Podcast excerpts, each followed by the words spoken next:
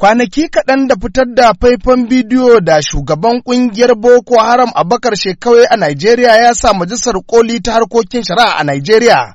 Ta ce idan har shugaban ƙungiyar yana jin ya cika jarumi to ya kamata ya gaba da gaba da jami'an tsaron wannan ƙasa.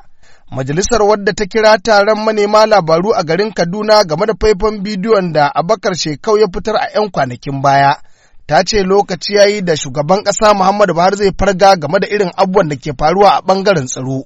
Sheikh Jamilu Ma'azu Hidara shine ya fassara wa manema labaru sanarwar bayan taro. Wannan majalisa ta kai ga matsaya kamar haka.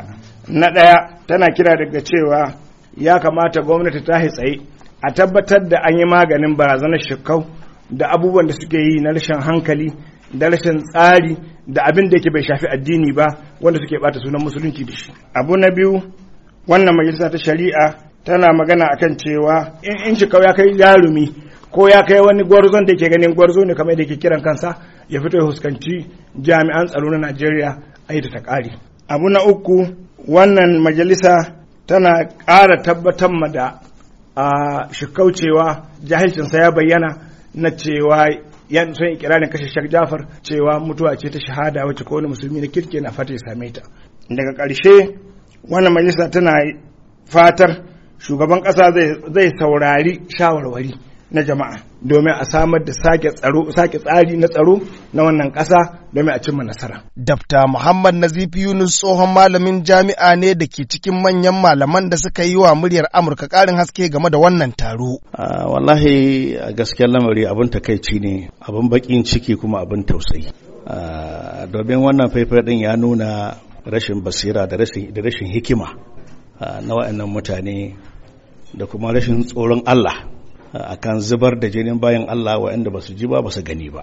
Kuma nuna cewar mu musulmi matsayinmu shine ba ma tsoro. Kuma irin waɗannan maganganu da irin wannan tsoratarwa ba zai sa malaman musulunci su daina magana ba. Ba mu dogara da ƙarfinmu ba ba mu dogara da dabararmu ba mun dogara da Allah subhanahu wa ta'ala shi kaɗai muke roƙo. Shi ma ɗaya daga cikin manyan malaman addinin musulunci a Najeriya Sheikh Abdulhab Abdullahi Muhammad ya halarci wannan taro kuma ya kalubalanci shugaban ƙungiyar ta Boko Haram game da faifan da ya fitar.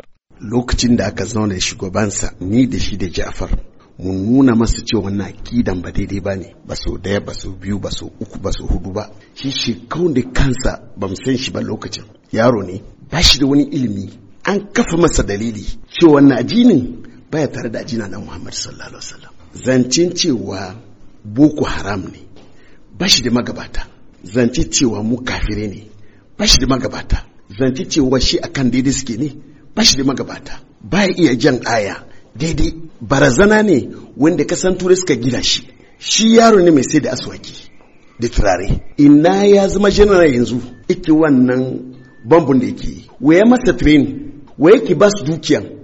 Wa yake hada masu wayoyi sauraka shi ne mutane kafirai suke juye shi ba mu ba maganar matsalar tsaro a Najeriya dai na ci gaba da jawo hankalin 'yan ƙasa musamman ganin irin barazanar tsaron da aka samu a wannan wata na Fabrairun da wasu da dama ke kiran ganin an cire hafsoshin tsaro a Najeriya baki ɗaya.